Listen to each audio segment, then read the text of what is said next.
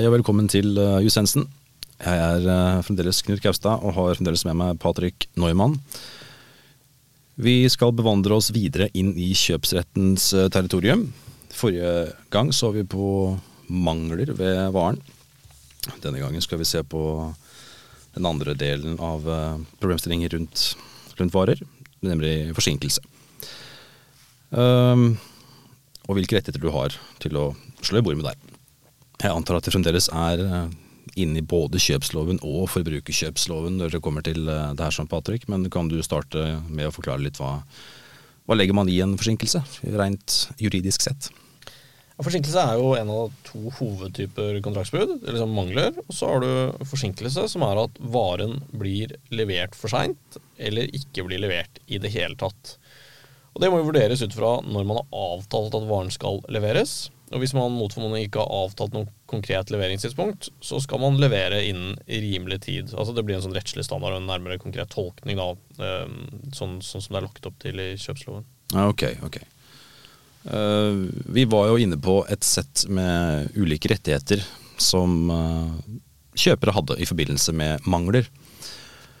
Er det noen særegne rettigheter for uh, forsinkelse, eller er det copy-paste med rettighetene fra mangelskapitlet? Nei, det er jo slik at uh, reglene for uh, hva du kan kreve hvis det er en forsinkelse, de er jo tilpassa det scenarioet at varen er forsinka. Sånn at det vil være litt sånn unaturlig å kreve prisavslag hvis du ikke har fått varen i det hele tatt, f.eks. Da vil det liksom Det vil ikke avbøte eller hjelpe på den situasjonen fullt ut. Så Derfor er eh, reglene tilpassa det scenarioet at nå er varen forsinket eller ikke levert i det hele tatt. Og Da ser man at reglene speiler den situasjonen. Da. Og da kan du kreve ulike ting. Det er det vi kaller for misligholdssanksjoner.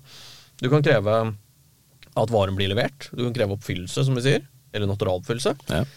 Um, eller så kan du kreve heving dersom forsinkelsen er av en viss lengde. og dette er et vesentlig, en vesentlig kontraktsbrudd. Eh, du kan også kreve erstatning dersom du lider tap som følge av at varen ikke blir levert. Altså du har bestilt en bil, f.eks., og så kommer ikke den til gitt leveringsdato. Eh, så må du kanskje ha en leiebil i den perioden, og det er jo typiske utgifter som du kan kreve erstattet av selgeren hvis man har lovt at bilen skulle komme til en konkret tid. Okay. Eh, og En siste ting som, som, du kan kreve, som er forholdsvis praktisk, det er å holde kjøpesummen tilbake. Det lager et naturlig oppfyllelsespress for selgeren. Fordi man får ikke penger før man da faktisk har levert. Så i de tilfellene man ikke har forskuddsbetalt, så har man mulighet til å bruke da kjøpesummen som et pressmiddel for å få selgeren til å levere. Ja, Det er jo en effektiv metode. Forhåpentligvis. Um, men når vi snakker om leveringer, så er det jo gjerne Det er jo ikke alltid da bare kjøper og selger som er inne i bildet. Levering av varer innebærer gjerne ofte en tredjepart. Uh, transportselskap eller hva det måtte være. Uh, kan man legge noe ansvar over på de transportselskapene som skal levere varen? At uh, selger mener at nei, det her er, dette her er feilen ligger hos Post Nord eller Posten eller Bring eller hva det måtte være, så det her har ikke jeg noe forpliktelse for. Uh, ta det med dem. Er det noe som la, er en reell mulighet, eller er det hårreisende feil? Så det beror på hva partene har avtalt. Eh, så Det kommer helt an på hva partene har, eh, har, sagt om nettopp dette, hva de er enige om. Eh, utgangspunktet er jo at kontrakten inngås mellom kjøper og selger. Så det å måte forplikte eller fremsette krav mot andre aktører, det, det, det, er liksom ikke innenfor rammene av den avtalen. Men det kan godt være at hvis man har avtalt at man skal sende varen ved posten, og det er posten som uomtvistelig har ansvaret for feilen eller at tingene er forsinka, så kan det være at man eh, kan komme i en situasjon hvor man fremmer krav mot, mot posten isteden. Det hele beror på hva, man, hva partene har avtalt omkring levering. Ok, Så det er utgangspunktet. Gå tilbake igjen til avtalen og se der. Um, men i forbindelse med Nå har vi snakka litt om rettigheter du har som, som kjøper, men uh, igjen for å henge litt opp i den andre siden av mynten, med forpliktelser. Vi snakka om forpliktelsene i mangel, mangelepisoden om hva, hvilke forpliktelser som kjøpere har med å varsle om, eh, varsle om reklamasjon osv. osv. Hva har kjøpere av forpliktelse her i forbindelse med forsinkelse? Nei, altså, Det ligger litt i regelens natur at du har ikke noen reklamasjonsplikt ved forsinkelse. Det er jo fordi at uh, i motsetning til mangelstilfellene så har jo faktisk ikke selger levert sin forpliktelse til, til kjøperen.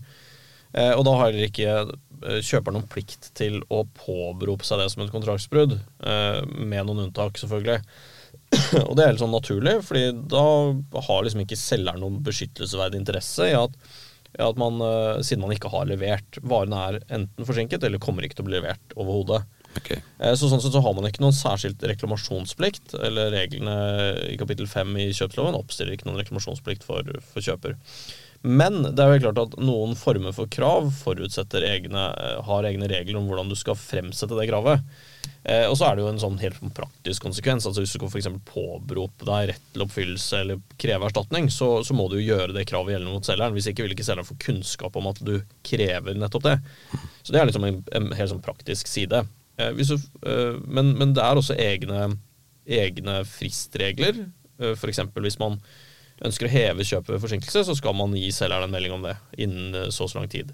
Akkurat. Så det, der oppstiller man Man kan kalle det en form for eh, en, en preklusiv regel for å fremsette et sånn type krav. Eh, Men det er ikke en egen reklamasjonsregel i motsetning til regelen om mangler.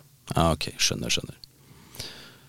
Vi nevnte jo i forbindelse med mangler dette her med partsforholdet og regelverket og forventningene rundt det. Altså det var kanskje høyere forventninger at eh, Høyere forventninger til, til to eh, business to business, lavere forventninger til eh, to private med hverandre og, som handler med hverandre. Og beskyttelsen av forbrukere var sterkere når man handla med profesjonelle. Har det her, Fins det noen sånne tilsvarende likhetstrekk i, i verden rundt forsinkelse? Er det noen forskjell der, eller er det her ting ganske likt, egentlig? Så partforholdet har liksom egentlig ikke noe å si. Nei, altså Reglene er eh, relativt eh, like. Eh, Du ser at tersklene for å kunne påberope seg ulike krav er litt forskjellige, og det er litt ulike mekanismer. Så Sånn sett så kan man jo si at også her så er det utslag av forbrukervern og beskyttelse av forbrukerkjøper. Så, så sånn sett så har forbrukeren en bedre posisjon rent i de situasjonene Mm. men, enn enn i kjøpsloven. Men det er samme systematikk, og det er samme tanken og det er samme oppbygning av reglene. Så det er mange likhetstrekk. Det, det er det. Ok, skjønner. Uh, vi skal jo touche kanskje inn på det tilstøtende temaer seinere i forbindelse med, med risiko og risikosk overgang osv. Uh, men er det noe mer du tenker vi bør nevne i forbindelse med forsinkelse, eller har vi klart å sette de tydeligste ytterrammene? Nei, altså, det, det veldig mange tenker på som har vært, øh, vært øh, aktuelt i de siste åra, det er jo dette med force majeure og hvordan det slår inn i kontrakter. Eh, og reglene om force majeure det er, det er også regulert i, i kjøpsloven og forbrukskjøpsloven. De finner vi lovfestet i det som kalles kjøpers rett til å kunne kreve erstatning, eller selgers kontrollansvar. Ja. Eh, og det er i de tilfellene hvor man krever erstatning for de tapene man lider, som følge av forsinkelse, så kan selgeren påberope seg at dette er et tap som er utenfor selgerens kontroll. Derav denne kontrollansvarsbetegnelsen. Da. Akkurat. Eh, hvis det er utenfor selgerens kontroll, altså det er en hindring som ikke selgeren kan overvinne eller eh, forutsi på, på tidspunktet man inngår kontrakten, eh, så, så kan selgeren gå fri for erstatningskrav for kjøper. Så, sånn sett så kan bestemmelsen påberopes av, av selger for å ikke måtte, måtte betale erstatning til, til kjøperen. Så i enkelte tilfeller, typisk eh, som vi har sett eh, på, prøvd under covid, eller eh, når det er krigsutbrudd eller streik eller lignende, så, Ja. så kan da selgeren eh, gå fri for ansvar fordi, eh, fordi det er spesielle omstendigheter som det er rimelig at ikke man som selger burde ta, ta hensyn til eller prise inn når man skal selge varer eller tjenester. Ja. ja, men Det er eh, alltid kjekt å vite om, og det er tematikk som ikke blir borte med det første, vil jeg tro. Så jeg vil eh, bare takke for oss, ja, så runder vi av denne forsinkelsesepisoden, og så høres vi igjen nærmere. Hei, hei.